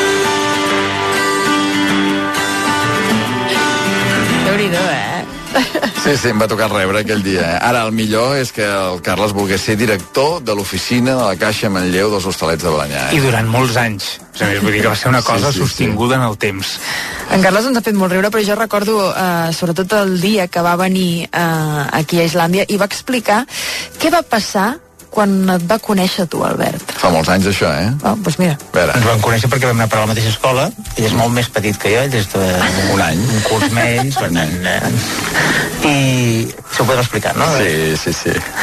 I, és que clar, l'Albert és una persona que, clar, a vosaltres l'estimeu perquè l'escolteu i això, però té una part complicada, diguem, no? Que és que ell eh, va ser el, el primer, la primera feina que vaig tenir va ser amb el Albert, que era, uh -huh. ell es va inventar en un moment de boom uns adhesius d'I Love Catalunya, diguem, uh -huh. com viure de Catalunya, bàsicament, eh, aquests adhesius de que l'I Love New York, ell va inventar l'I Love Catalunya, els va fer... Que era, perdona, el, el cor era amb les, amb les El quatre cor, barres, eh? això fa molts anys. diguem que ho, que ho va dissenyar Albert sí, eh? va copiar l'I Love New York, ho va portar. tenia... No, no va ser al revés? No va ser Love New York? No va ser Milton? Home, que no, bueno, no, això, això no ho sé. Això ho hem això, era un moment que era un boom, de, érem petitets, i, i ell els va fer imprimir i tot, i després em va agafar a mi, eh, els, aquests, els venim a 25 pessetes, oi? O sigui, eh, jo vaig trobar un amic meu de Ripollet, el Joan Nonell, que me'ls imprimia a 6 pessetes. Ah, sí?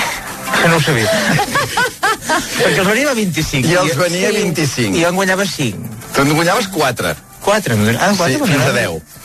Anem, anem a veure, un moment, podem recapitular? Sí, o sigui... Ell, ell, ell va A tu te'n cobraven 6, Jo vaig fer imprimir 1.000 adhesius a 6 Mil en vas sigui, hem de passar comptes avui perquè això no em quadra. Tu vas fer 1.000 adhesius. Sí, i llavors, clar, al ser de Taradell, tota la zona d'Osona Sud la tenia una mica desatesa. I vaig pensar, calla, aquí Calla, en Cap de Vila, que fa un curs més, farà. que es podrà Va. guanyar uns calés que li aniran bé, devien anar bé, aquells calés que vas Sí, guanyar. jo en aquell moment pensa, fins i tot pensava, mira que bon tio aquest, que és d'un curs més petit. Eh, I em dona quatre que és humiliant que al pati, un d'un curs més petit et doni feina, i vaig pensar, quatre? Deu ser, deu ser correcte, o sigui, li deuen costar ell 21, no? Vaig pensar, no? I per tant, em dona el marge a mi. I, i els vas vendre tots mil o no? Tinc un remenent encara a casa. Jo te compraria una. Sí, en tinc encara, eh? Oh, doncs mira, te la compro. No, home, no, comprar ara, ja t'ho regalaria. Ara ja t'ho regalaria, ja han passat els anys. Ja. No la sabies, aquesta, els no, adhesius, no, no, eh? no, és una excel·lent visió d'empresari local. Allò, les, això, això avui seria un emprenedor i una startup local, no? que genera... Llavors no sabíem que hi havia aquests noms, no? Clar, clar, llavors no ho tenies clar, però ja en aquell moment hi havia una llavor d'alguna cosa, emprenedoria i startup de- d'Osona en el món dels adhesius. Parlàvem de, de la veu abans, no? de, de com t'arriba la veu d'una persona, de, de com és capaç d'emocionar-te tornar a escoltar la veu d'aquella persona. El Carles tenia una veu mm, característica. Peculiar. Molt una veu que Sí. dius, el senties i dius, és el Carles, Mhm. no? O no? O no. O no, perquè una de les coses que hem fet aquesta temporada a Islàndia és el concurs de veus semblants, que vam fer dues edicions, i recordo una en la qual van arribar molt endavant, crec que van arribar a la final. Sí, sí, a la final no van acabar guanyant, però pels pèls. Exacte, i era que la veu del Carles Capdevila s'assemblava molt a la veu del Marc Serra, de la versió RAC1. Ara podem explicar el que sentireu ara aquest moment, que és que amb el Carles, aquell dia, quan ell estava parlant per telèfon, el sentireu parlant per telèfon, ell estava parlant des de l'hospital. Avui riurem. Primer, en tinc un altre que afecta una altra persona de RAC1.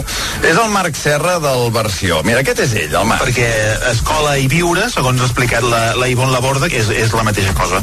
Ivonne, eh, ja ho has dit tu mateixa, la gent que et vulgui informar et buscarà per internet i et trobarà I aquest és el Carles Capdevila.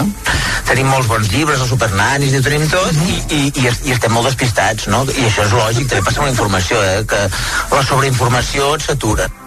Marc Serra, bona tarda. Bona tarda, bona, bona tarda. Esteu forçant els documents. No ens semblem de, de, de res. Tot i que sí que és veritat que ho han dit moltes vegades i he patit l'efecte taxi, de pujar en un taxi, de dir que aquesta tarda t'hem sentit, eh, a Catalunya Ràdio. Dic, doncs no, no, segur que no sé. Home, sí, sí, estàs allà amb... eh, Dic, no, no, és que devia ser el Carles Capdevila, no? Ah, doncs potser sí, doncs potser sí, potser sí. I vaig conèixer el Carles Capdevila d'aquí fora, aquí fora a la ràdio, i jo crec que en aquesta conversa tots dos vam canviar la veu. Mira, intentarem reproduir-la. Carles Capdevila, bona tarda. Bona tarda. Jo crec que no, és que només en tinc una. Jo no sé que no sé fer res amb la meva veu. No sé canviar. És que aquí, Carles, hi ha un altre tema que aquest programa hauria d'aclarir fins que acabi, és de qui és la veu original? La teva és la meva o la meva és la teva? No, jo no, jo és el tema que volia obrir primer, a partir de naixement. No som els 66, de quin any és? Eh, jo vaig fer el canvi de veu, jo no he fet mai el canvi de veu, perquè tenim, tenim aquesta veu, no dir tu, però tenim aquesta veu que que tinc males notícies per tu, que la teva ràdio s'assembli a la meva és mala notícia, Marc. No, no, sí, sí, no tinc cap dubte. És que des de que l'Albert em va dir que havia de venir aquí, faig, estic fent proves de veu cada dia per intentar canviar-la. És molt bona, no és molt bona, i no, no l'hem canviat encara. Per tant, tenim l'opció de que si un la canvia encara, doncs ja, ja es marcarà, no? Però clar, jo des dels 14 que tinc aquesta, vull dir, des dels 79, tu que vas néixer. Jo el 76, però també crec que sempre tinc la mateixa. tu- tu- Imagina't, tu tenies, feies, tenies 3 anys i jo ja tenia aquesta veu. Començar amb taxis que em deien, el de RAC1, i la deia, no, no, no, no, Catalunya Ràdio, no, el de RAC1, després m'ho a dir, no, estàs amb el Clapés, i et dius Marc, i pensava, eh, però això és molt, molt fort, no? I després, un dia, un, un amic, em va felicitar, em va dir, escolta, et felicito, t'has fet molt famós, ja t'imiten, a RAC1 t'imiten. Perdona un segon. No, no, a veure, un moment, es para l'anècdota. És a dir, jo sóc el teu imitador de la versió RAC1? Això és nou, eh? No, no, clar, aquella persona es pensava que jo havia triomfat tant que ja tenia un imitador, que era el Joel Cruz, fent de mi, no? I jo no m'imites, una mica fa d'ell, i té la desgràcia de tenir la meva veu, dic, però no, no, no m'imita. I tal, és que fa de tu, clavat, però és que diu la mare que cantarella, aquest to així burleta, no li agradava molt, eh?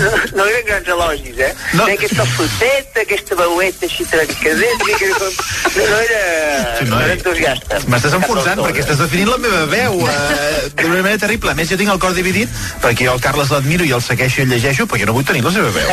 Jo vull tenir la meva.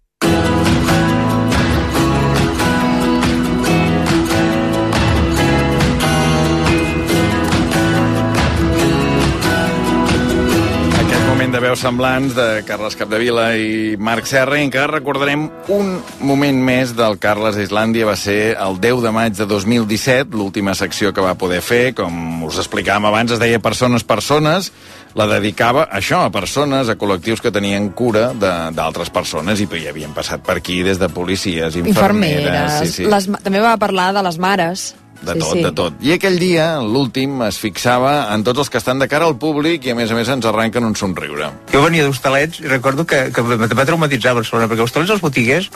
El botiguer era una persona de prestigi, no quan era un nen, era una, era una persona important, era una persona influent de prestigi. I recordo una cosa que em traumatitzava, tu, tu Hostalets anaves allà a l'hora que estaven tancant, no? el botiguer sempre tenia la persiana mig baixada, i a la que tu hi anaves, deies, ai, estaves tancant, dius, no, no, no, no, no, i te l'obria, no? I recordo que a Barcelona, ara no, perquè hi ha, hi ha més, però quan hi vaig venir aquí, et trobaves que jo anava tard i tot, una persiana, i el, el que et veien la baixaven de cop, i pensava, però què estem fent aquí? Si és- jo vinc aquí, vull, vull comprar, o a vegades a súpers, que anaves a les 9 menys 5, i, i, i et deien, no, ja no, ja no es pot entrar perquè tanquem a les 9, dic, són les 9 menys 5, no, però ja, és que no, no, no. I penses, hi ha gent Ja que... no ens sortiran els números, llavors. Hi ha gent que no li agrada, o al revés, eh? perquè trobo que també la- a vegades les botigues de moda posen pressió de que et siguin molt a sobre. Jo crec que avui en podem parlar d'això, però jo crec que és... Al final no busquem, almenys jo, eh? no busques el cambrer plasta que li agrada xerrar, sinó el cambrer que sap qui necessita conversa i qui no. Però a mi no m'agrada, a mi no m'agrada que... em- És a dir, jo faig aquest tema, a mi no m'agrada que em donin conversa. jo sóc un boier de... Jo, soc, jo avui vinc com a boier, jo sóc un boier de, dels bons cambrers. Mira, t'ho anava a dir més tard, però ja t'ho dic ara. Jo recordo un dia que el Carles Capdevila, Ai, mare. Maria, t'explico què, que què em va això- dir. Diu, um, he tornat a canviar el bar que vaig esmorzar. I dic, per què? Què ha passat? Diu, no, perquè ja saben què vull. Ah, I ja arribo això allà, és negatiu. ja m'ho tenen a punt i em volen donar conversa i dic, no, jo vaig allà, vaig a llegir el diari, vaig... A... Per, per mi és negatiu. I, i, i, i, M'han perdut com a client de bastants llocs que em diuen lo de sempre. Dic, de sempre no, ves, no, jo no m'agrada. Dic, jo sóc original. Jo no vull que algú sàpiga que jo sempre demano el mateix. Jo tinc la sensació que sóc un tio més original. No? Però diu, lo de sempre. Dic, tu què saps? Lo de sempre? Doncs no tornaré més. Ja t'ho dic ara, mira. Hola. Doncs mira, jo soc d'un poble del Maresme, bastant petitó, on tots ens coneixem, i quan vaig venir a treballar a Barcelona vaig pensar, ostres, aquí mai coneixeràs a ningú. I res, quan portava tres mesos del camí de la feina al bar on em anava a prendre el cafè, hi havia una botigueta de roba, hi havia una perruqueria i un estanc. I res, quan feia cinc mesos que era aquí ja em coneixia tothom i al matí quan vaig a buscar el cafè surt la de la roba, bon dia Clara. Surt el de l'estanc, què vols tabac avui? i bueno, hi ha un ambient superxulo.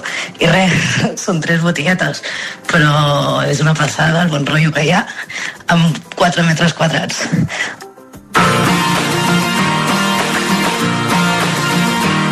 exactament el que explicaves, Això no? per mi defineix la secció d'avui, 4 metres de, de bon rotllo, i per això a mi em preocupa quan vas al teixit de, de botigues de barri, quan es perden, tu veus quan van tancant, perquè jo crec que és molt més que no un servei de què pots comprar la fruita o, la, o el diari o el que sigui, sinó que gent normalment que està, hi ha un, un peu al carrer i que, i que et saluda, i a més a més, en el cas, fins i tot es fan camins escolars, dissenyats perquè els nens vagin sols caminant i tot, i sempre es busca botigues amigues, no? Perquè el botiguer, en el fons, és una persona que, que sempre està mirant en fora i que t'ha de saber, saber com et dius i que, de, i que has de poder dir pagaré demà, és a dir, ha d'haver un, un, és, on es crea un teixit.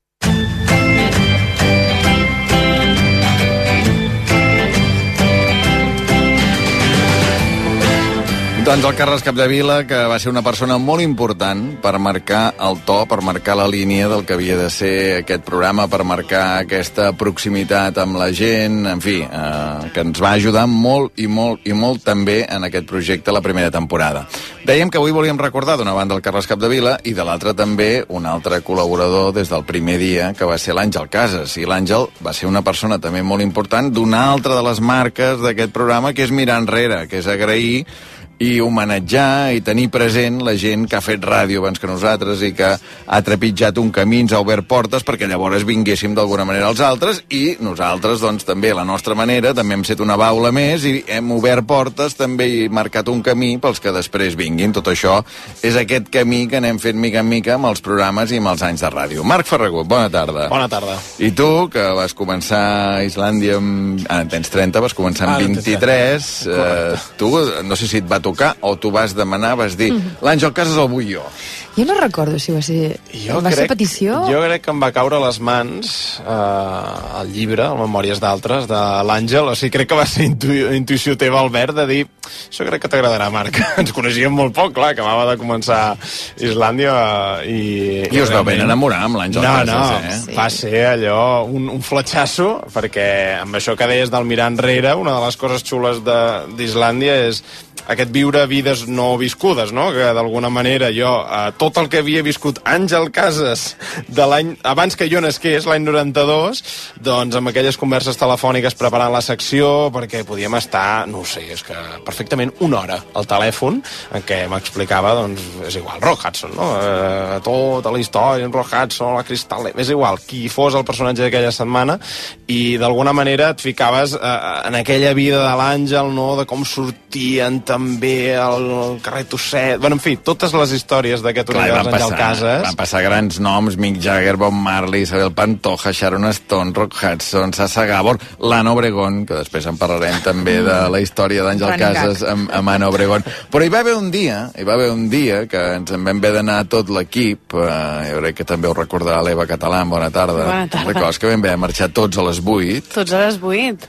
perquè ens donaven un premi. el Premi Ràdio Associació, i, i vam dir, escolta'm, si nosaltres marxem, doncs algú s'ha de quedar fent el programa, perquè nosaltres hem d'anar tots cap allà. Ara, a Islàndia, Àngel Casas, sol.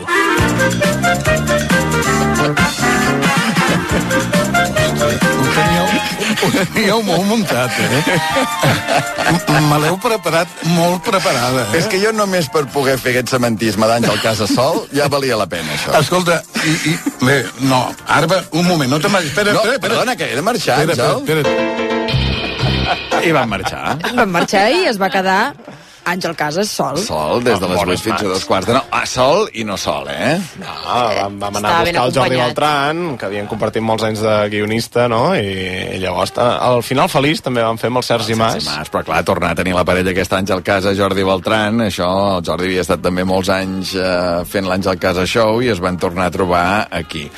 En fi, que, que va, ser un, va ser molt divertit eh, conèixer l'Àngel, poder fer ràdio amb ell, i veure també aquesta mirada que tenia l'Àngel cap al món que l'envoltava, que era una mirada única, i a més a més, després de molts anys entrevistant gent, entrevistant famosos de tot el món, mantenia també la curiositat per conèixer vides i ens donava ordres. Ho qualificaries com a ordres, eh? Uh, sí? Sí. Uh, Molt, molt amables, però... Poder eren Més que suggeriments, penso jo, no? Peticions. Peticions. peticions. Peticions fermes. Sí, exacte. Suggeriments, ordres, peticions fermes de buscar persones Eh, que poguessin satisfer la curiositat de l'Àngel Casas.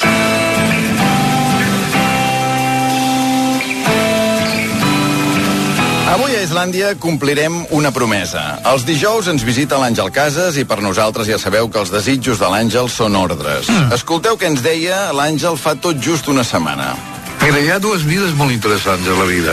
Una és la vida de l'Esmolet, com a curiositat periodística, i l'altra, la de la noia que toca el cant dels ocells en els tanatoris. Jo, aquella noia amb, amb el cello, sempre he pensat com viu, amb qui viu, qui és, què fa quan no toca això. Tota la raó. S'emociona, no s'emociona. Tota la raó, eh, deies, Sí, sí, Maria? sí, és que jo també tinc aquesta curiositat. Àngel Casas, bona tarda. Hola, bona tarda. Els teus desitjos són ordres. Ho sé, ho sé.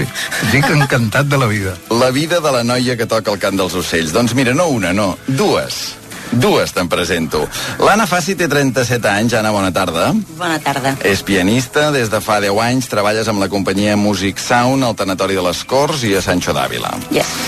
La Lorena Lanza, Lorena, bona tarda. Bona tarda. 25 anys, violoncel·lista, i des de fa dos anys treballes també puntualment al Tanatori de la Ronda de Dalt, Sí. amb una altra companyia, amb la companyia Música per Cerimònia. I per fer tot el combo ja complert, eh, Toni, bona tarda. Bona tarda. El Toni fa 4 anys que és esmolet a Bellvitge, Collblanc i la zona del Vallès, també, eh? Exacte. Molt bé, després ens expliques aquesta història. Abans, situem-nos.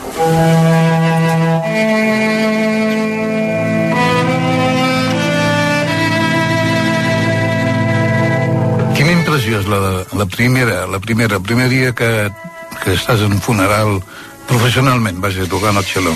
Va ser molt difícil perquè, a més, jo el tema de la mort no, no, no el porto gaire bé i va ser molt impactant trobar-me pues, tota la família allà eh, és un drama, normalment eh, bueno, és difícil és difícil i jo sóc una persona molt empàtica i no puc evitar posar-me a la pell i em vaig posar a plorar sí, sí Clar, m'imagino que al final t'hi acostumes. jo encara no m'hi he acostumat. No. L'Anna no sé si s'haurà acostumat, però jo gairebé podria dir que a més del 50% acabo plorant. Eh, Heu desafinat alguna vegada allò que dius avui no estic fina? La Lorena fa que sí Jo amb el sí. cap, eh? Sí? Sí, sí, i no, no una cosa molt gran de dir, uf, què he fet, però pensar, Lorena, avui... Sobretot també depèn de, de la situació. A mi m'ha passat d'estar plorant i no veure la partitura. Dic, però si no veig, deixa de plorar perquè no podràs tocar. Llavors, clar, és música que toques molt i, i llavors ho vas tocant per oïda, però, però m'ha Sí, passat... però m'imagino que se la, ella que fa més anys que ho fa, te les deu saber de memòria totes, no? Sí, no? Pràcticament sí. Hi ha algú que demana alguna cosa especial que no estigui en el repertori, en el menú, o sigui, una cosa fora de carta? Sí, bastant sovint. Per exemple, a veure, coses fora de carta que t'hagin demanat. Uh, Hijo de la Luna, de Mecano, Sí. eh, una cançó cubana, Siboney, Sí, sí. uh, un cop ens van demanar la Internacional, l'himne d'Espanya, l'himne al Barça, um, porque es un muchacho excelente, per exemple, que va ser com... Vale.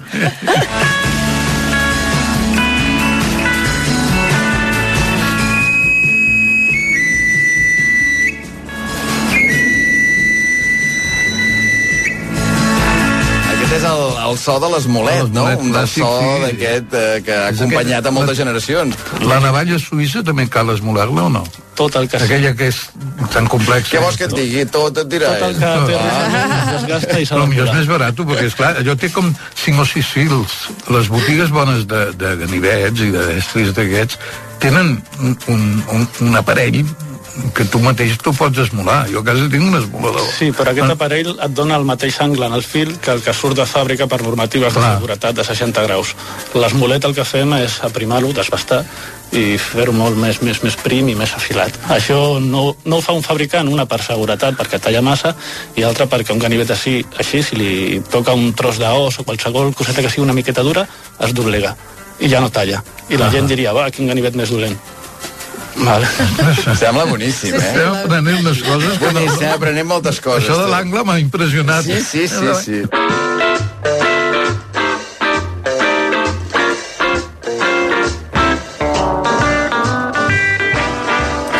Mira, jo recordo que quan vas dir que, que l'Àngel seria col·laborador d'Islàndia, a mi em van venir imatges que havia vist no, d'aquests programes que fan a TV3 que recuperen imatges antigues o entrevistes que havien vist a la, a la facultat que havia fet l'Àngel o alguns cursets de- d'entrevistes i deia, ostres, l'Àngel, no? Quin referent i em va sorprendre molt gratament la calidesa que tenia, o sigui, l'amabilitat, que era super carinyós amb, amb tots nosaltres, ens tenia com no vull dir com que fóssim els seus nens, perquè tampoc hi havia aquest punt, sinó com de seguida ser companys de feina.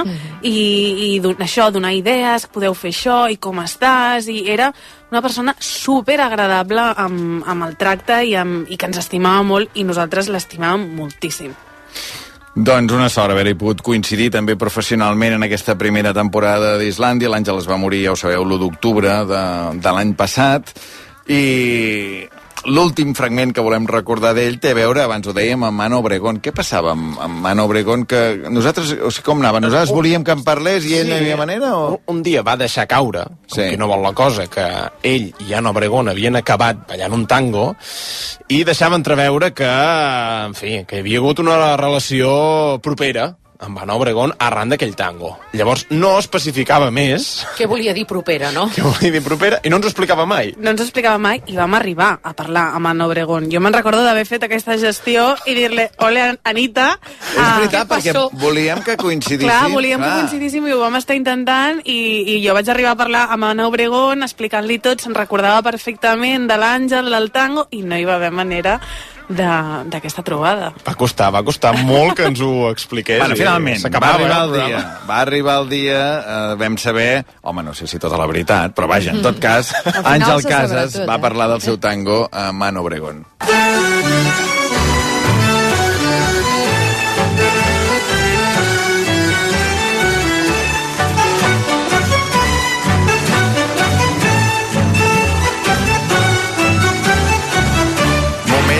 memorable, eh? Tu i ella ballant I no un és tango. playback, eh? No és playback. No és playback, és l'orquestra del, del mestre Verdigí, eh? I, uh -huh. I sona, vull dir que no, no et pensis, eh? Improvisat tot. Sí, improvisat tot. Completament improvisat, eh? Uh, uh, va dir, un, dos, tres, i... I va arrencar l'orquestra i va, va posar a sonar. Però clar, aquest tango que ara ens donarà els detalls de què va passar, realment jo crec que, com a mínim, a l'Anna Obregón, vull dir, escolta, allò no se li va anar del cap, eh? Un innovador de la televisión, atrevido, provocador y además una excelente pareja para bailar el tango. Ángel Casas, sí, el tango. ¿No te acuerdas que bailamos el tango tú y yo? És verdad, és verdad. Y además, ¿cómo lo bailaste? Mira, ahí está, ahí están las imágenes. Oye, Ángel, qué sutileza, ¿eh? Jo crec que l'epicentre de tota aquesta història és el tango, realment. Jo havia fet una entrevista a l'Anna Obregón l'any 84 amb motiu de la presentació d'una pel·lícula dintre de, del programa de TV3 i eh, eh, de cara a aquells Nadals eh, cap al novembre de, del 84, que és l'any que es va inaugurar TV3, en Verdigí i jo teníem una petita companyia de, des de l'any 80 fins al 85 que produïem, registràvem, eh, composàvem tal, eh, jingles de publicitat i fem campanyes molt importants, totes les de Freixenet, totes les de Lois, totes les de Vitacàs, en fi, érem uns tios que pencàvem molt. I aquell any, aquell any, Freixenet va fer Plácido Domingo i Ana Obregón. Y yo aquel día le iba a decir a Lana, digo, oye, ¿por qué no vuelves a, eh, eh, después de Navidad, pasado, pasado, pasado Passat fiestas? festa, pasado fiestas. Pasado fiestas. Mm, per què no, no, no tornes a- al programa i tal? I diu, sí, però escolta, si jo torno al programa hem de fer alguna cosa...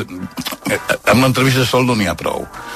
Ho veus, doncs, ho veus? Sí, sí, sí. I, I aleshores dic, doncs el que, el que vulguis, no sé, jo estic a la teva disposició, ja saps.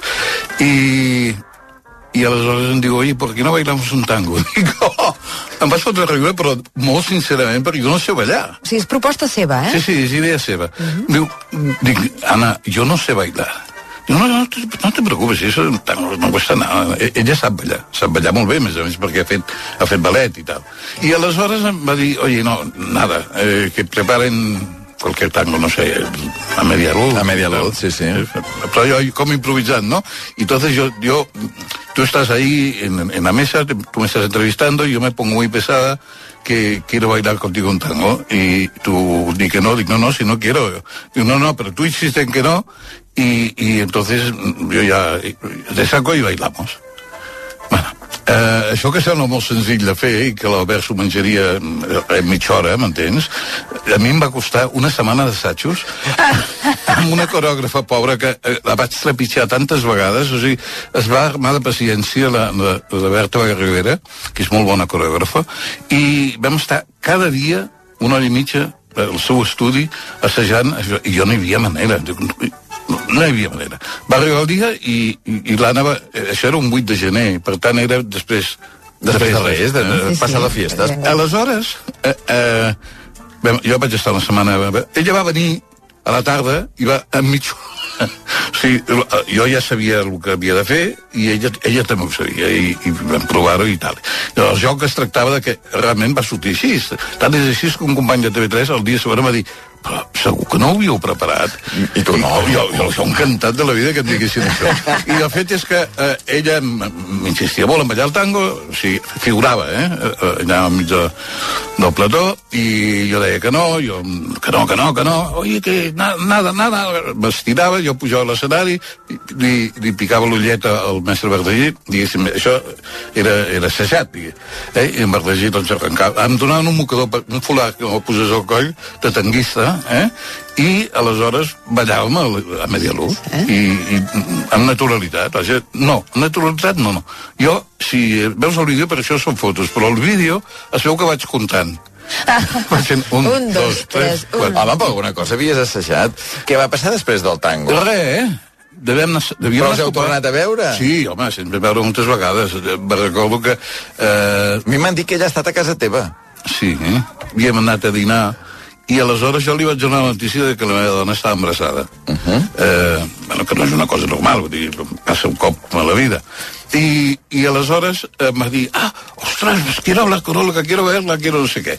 I en acabar vam anar a casa i, i vam estar allà, eh, doncs, xerrant de- de- d'embarassos, que és una cosa que sempre és molt entretinguda, no? I, i a més les senyores s'hi entenen bastant i, i, i tal. I, I aleshores, quan va marxar, em sembla que... No, ara no... Perquè la memòria també falla, eh, a vegades. Però jo crec que, que l'Olga, la meva dona, em va dir ostres, mm, no estarà embarazada. no, no, no... I, efectivament, la- l'Anna Obregón, o sigui, aquesta curiositat que tenia per saber què passava, jo crec que o, o que estava embarassada o ho estava intentant, perquè mm, el seu fill va néixer poc, poc després. El del Lecchio, no? Devia ser pel- Va Sí, néixer sí, poc sí. després de, de la meva filla.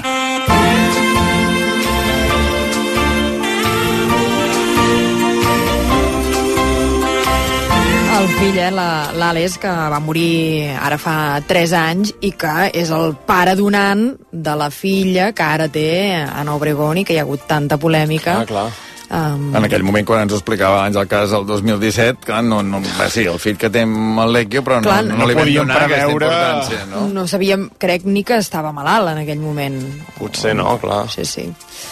Bé, uh, escolta'm, ha sigut un plaer avui poder tornar a escoltar la veu. Espero que ho hagueu disfrutat també els oients de poder tornar a escoltar la veu del Carles Capdevila i de l'Àngel Casas, dues persones que van ser molt importants en aquella primera temporada islandesa. Hi ha diversos oients, Albert, he de dir, que reclamen les enganxines de I Love Catalonia.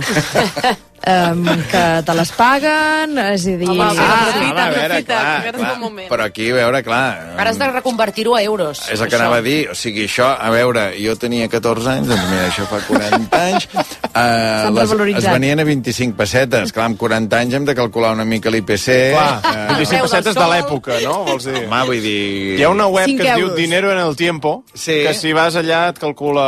Ho, ho pots mirar? Ho pots Dinero, mirar bé. dinero en el Tenim 30 tiempo. segons. A veure, 25 pessetes de 1980, quants euros, Són quants mils 2023. euros Sí, mils. són avui? Perquè això ho guardes en un excedent, allò, el típic excedent que va quedar i dius, per si de cas... Jo crec que en guardo... Sí, 20 els trobaria. Eh, escolta, A veure, allò, clar, però és que em diu el valor actual. En- O sigui, va enrere, no endavant. A veure... O sigui, em diu ara què valdria en aquell moment, no al revés. No t'ho deixa girar, vols No dir? m'ho deixa girar. Ah, amiga, Ah, clar. bueno, ho mirarem, ho mirarem amb calma, que Provem. ara... Sí, ara farem uns anuncis i si la ballonesta, no, si la ballonesta no ho pot explicar en temps de no ho sé, demà, demà us direm, a veure, amb quin preu de sortida tindran aquests adhesius I Love Catalunya. Fins demà a les 7, que vagi bé, bona nit.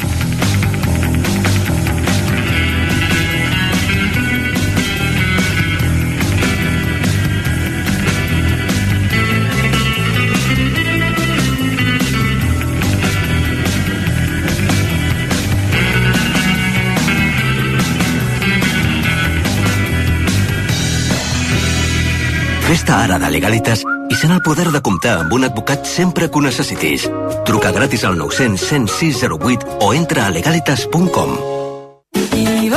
Del 13 al 22 de juliol torna a Manresa el cicle de músiques amb ànima Sons del Camí. Joan Dausà, Judit Nederman, Manu Guix, Anna Urpina, Enrio i Berta Sala ompliran de música els espais en petjada ignasiana de Manresa. Aconsegueix les teves entrades a sonsdelcamí.cat i deixa't inspirar pels sons de Manresa, al cor de Catalunya. M'he criat entre pagesos, regadius i hortes, homes i dones que no coneixen la paraula descans. Soc d'Aitona, on es fa la fruita més dolça del món. Fes la teva comanda de paraguaians préssecs i nectarines i descobreix una exquisida selecció de productes de les terres de Lleida. Directament de l'arbre a casa teva. aitonagourmet.com Sondra Radvanovski i Piot Betxaua, junts de nou al Liceu. Dues de les veus més estimades pel públic en un recital memorable amb grans àrees de Verdi, Puccini i de Borjak. Tosca, Aida, Rusalka, els dies 13 i 16 de juliol. Entrades a liceu.cat. Anna Mena, Víctor Manuel, Joan Dausà, Himnes del Cor i molts més actuaran al Festival Vallviva del 12 al 15 de juliol a la Vall d'en Bas. Gaudeix de l'experiència Vallviva a benefici de la investigació del càncer i amb la col·laboració de la Vall d'Hebron. I tu, ja tens la teva entrada?